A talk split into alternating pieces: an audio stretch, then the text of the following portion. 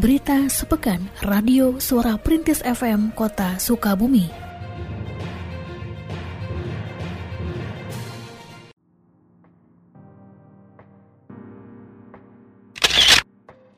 Memberikan kemudahan bagi lansia mendapatkan vaksin COVID-19, pemerintah kota Sukabumi membuka lima sentra vaksinasi tambahan yang terdiri dari dua puskesmas, yakni Puskesmas Baros dan Limus Nunggal, serta tiga kantor kecamatan, yaitu kantor Kecamatan Lembur Situ, Warudoyong, dan Citamiang. Dalam pemaparannya saat rapat evaluasi pelaksanaan Idul Fitri pada hari Senin, 17 Mei 2021 di Balai Kota, Kepala Dinas Kesehatan, Dr. Rita Fitrianingsih, mengungkapkan bahwa penambahan tempat vaksinasi berdasarkan dari permintaan pihak Kementerian Kesehatan agar vaksinasi COVID-19 kepada lansia tercapai sesuai dengan target yang telah ditetapkan. Ia menjelaskan bahwa pendaftaran vaksinasi COVID-19 dilakukan secara daring dan manual serta setiap sentra vaksinasi diberikan kuota 100 orang peserta. Adapun pelaksanaan vaksinasi dimulai pada 17 Mei 2021. Pada kesempatan tersebut, dijelaskan pula bahwa pasca Idul Fitri, pihak Dinas Kesehatan akan melakukan pemantauan khusus selama tiga bulan ke depan untuk mengetahui dampak libur lebaran terhadap jumlah kasus COVID-19. Puasa, kita setelah selesai melakukan puasa, kita bersepakat bahwa di setelah pasca lebaran kita akan membuat sistem yang baru dengan membuka sentra vaksinasi di lima titik.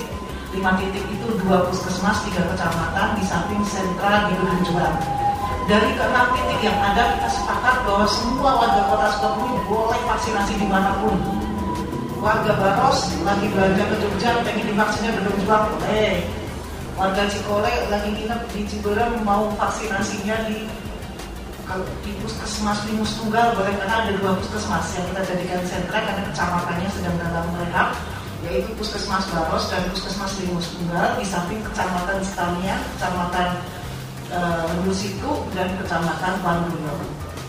Nah konsep kita juga kita rubah jadi sebenarnya itu bukan kebijakan Kemenkes tetapi harapan Kemenkes kepada kabupaten kota untuk membuka peluang agar mendorong lansia mau divaksin dengan diantar oleh keluarganya. Makanya ada istilah in dua berbohong satu. Dua lansia dengan satu pendamping akan difasilitasi vaksinasi asal usianya 18 tahun ke atas.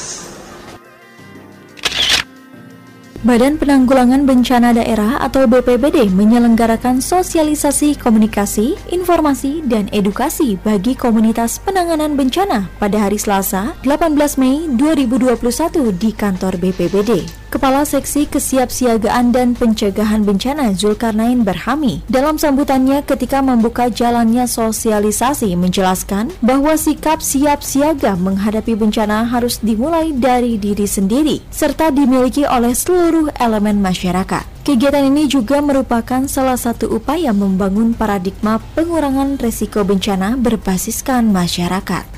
Dalam sosialisasi yang diikuti oleh 14 komunitas di antaranya Tagana, PMI, dan Rapi, BPBD mengharapkan terbentuknya koordinasi aktif semua elemen dalam penanggulangan bencana, serta semua pihak bersinergi dalam pengelolaan informasi kejadian bencana.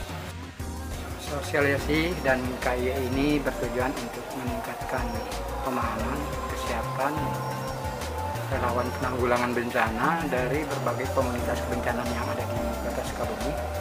Kurang lebih ada 14 komunitas ya yang mengikuti acara kita pada pagi hari ini. Tentu saja harapan kita dengan adanya KY ini akan meningkatkan kapasitas pemahaman dan kesiapan dalam menghadapi resiko bencana yang ada di Kota Sukabumi dari relawan yang ada di kita karena mereka adalah mitra kita untuk melakukan penanggulangan ketika terjadinya sebuah bencana yang ada di kota Sukabumi. Oh. Kejaksaan Negeri Kota Sukabumi melaunching aplikasi Serabi Gelis atau Sistem Elektronik Pengembalian Barang Bukti Kejaksaan Negeri Kota Sukabumi, kesit untuk melayani sepenuh hati. Aplikasi ini dibuat untuk mempermudah pengembalian barang bukti masyarakat yang sudah berkekuatan hukum tetap. Barang bukti tersebut akan diantar oleh pihak kejari kepada pemiliknya atau dititipkan di kantor kelurahan. Kepala Seksi Pengelolaan Barang Bukti dan Barang Rampasan Kejari Kota Sukabumi, Emma Siti Hejaimah Pikri SAMH menjelaskan bahwa serabi gelis ini merupakan bagian inovasi program jaringan hukum terpadu Kejari Kota Sukabumi. Selanjutnya Emma mengatakan bahwa dalam pengembalian barang bukti tersebut, masyarakat dapat memilih beberapa opsi pengembalian seperti diantar ke kediaman, dititipkan di kantor kelurahan dan diambil langsung di kantor kejaksaan. Emma juga menyebutkan bahwa untuk mengakses aplikasi ini, masyarakat cukup mendatangi kantor kelurahan setempat, nanti pihak kelurahan yang akan membantu dalam proses pengembalian melalui website kejari-sukabumi.go.id.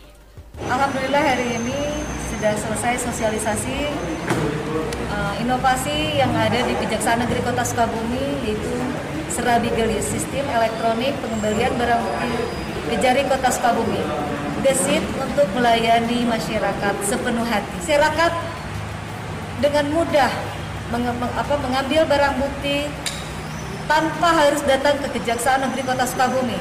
Kami akan mengantarkan melalui kelurahan. Di sini kelurahan adalah bagian terdepan untuk verifikasi bahwa yang bersangkutan adalah betul warga kelurahan tersebut. Seluruh satuan kerja perangkat daerah pada pemerintah kota Sukabumi berkomitmen mewujudkan satu data kota Sukabumi. Komitmen tersebut ditunjukkan melalui penandatanganan fakta integritas antara wali kota Sukabumi dan semua SKPD pada Selasa 18 Mei 2021 di Balai Kota Sukabumi.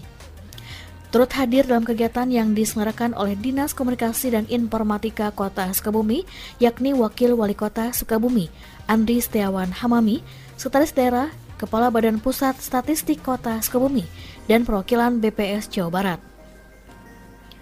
Kepala Diskominfo Kota Sukabumi Yadi Mulyadi menyampaikan bahwa dalam mewujudkan satu data Kota Sukabumi, pihaknya melalui bidang statistik, persandian, dan keamanan informasi sejak 26 April hingga 10 Mei 2021 bersama seluruh SKPD dan BPS Kota Sukabumi telah menginventarisir dan memvalidasi metadata.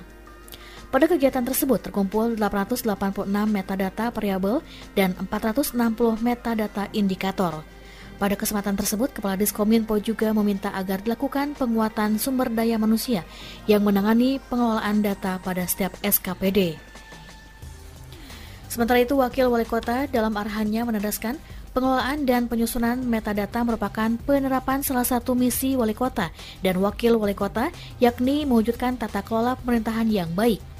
Ia pun menegaskan agar setiap kepala SKPD berkomitmen mewujudkan satu data kota Sukabumi. Diharapkannya melalui kegiatan ini, pengelolaan data semakin baik, mudah diakses semua pihak, dan tersajinya data yang akurat.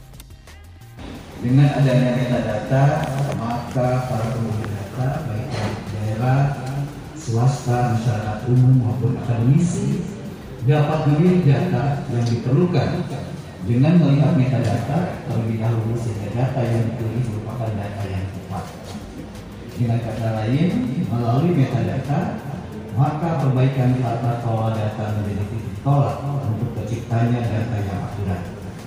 Keakuratan data tentunya memiliki peran penting dalam mendukung misi keempat, yaitu mewujudkan tata kelola, tata kelola pemerintahan Harapan saya melalui evaluasi dan validasi metadata ini kita sama-sama dapat Palang Merah Indonesia Pusat bersama tim dari Palang Merah Amerika melakukan kunjungan lapangan dan open house permodelan perkuatan rumah aman gempa atau retrofitting di Kelurahan Baros pada hari Rabu 19 Mei 2021. Kunjungan lapangan tersebut diikuti oleh jajaran pengurus PMI Kota Sukabumi, Lurah, dan Camat Baros, serta mitra program yakni perangkat daerah pada pemerintah Kota Sukabumi. Permodelan perkuatan rumah aman gempa atau retrofitting di Kelurahan Baros diterapkan pada rumah salah seorang warga Pihak pemilik rumah, Unang, menandaskan ia berterima kasih kepada pihak PMI dan Amkros karena rumahnya dijadikan contoh rumah tahan gempa. Ia pun mempersilahkan setiap pihak yang ingin mempelajari rumah tahan gempa untuk berkunjung ke rumahnya. Saya mengucapkan terima kasih terlebih dahulu khusus kepada PMI Pusat ataupun PMI Kota yang bekerjasama dengan PMI Amerika Amkros ya. Ya kami bersama, bersama keluarga gitu Pak ya akan mensosialisasikan atau menyebarluaskan khusus kepada masyarakat terdekat dahulu Pak ya umumnya kepada masyarakat-masyarakat yang membutuhkan Pak. Kepala Divisi Penanggulangan Bencana PMI Pusat, Arifin Muhammad Hadi, mengatakan kunjungan lapangan ini bertujuan untuk melihat langsung proses dari pelaksanaan retrofitting atau rumah tahan gempa yang sudah dilaksanakan di Kota Sukabumi dan dijadikan percontohan nasional. Rumah tahan gempa merupakan bagian dari pilot project kesiapsiagaan bencana yang digarap PMI dan Amkros kondisi rumah setelah di retrofitting karena retrofitting ini adalah upaya penguatan rumah agar lebih tahan gempa dengan desain dan juga konstruksi yang memenuhi prinsip-prinsip rumah tahan gempa. Tentu ini akan memberikan ketenangan ya pada penghuninya. Tadi kami juga sudah mewawancara beliau dan beliau benar-benar merasa tenang setelah rumahnya di retrofitting karena konstruksinya diperkuat sedemikian rupa sehingga tentunya tahan uh, goncangan gempa yang yang dalam kondisi normal tentu juga akan mengancam juga. Oleh karena itu kita berpikir bahasanya upaya ini harus terus dilanjutkan dan secara nasional ini menjadi best practices dan pemodelan untuk bisa direplikasi ke wilayah-wilayah lain. Pilot Project Program Kesiapsiagaan Bencana di Kelurahan Baros yang dilaksanakan oleh Palang Merah Indonesia PMI bersama Palang Merah Amerika Serikat American Red Cross mendapatkan penilaian memuaskan. Hal tersebut terungkap dalam workshop strategi keberlangsungan program yang dilaksanakan PMI Kota Sukabumi pada hari Kamis 20 Mei 2021 di Hotel Horizon.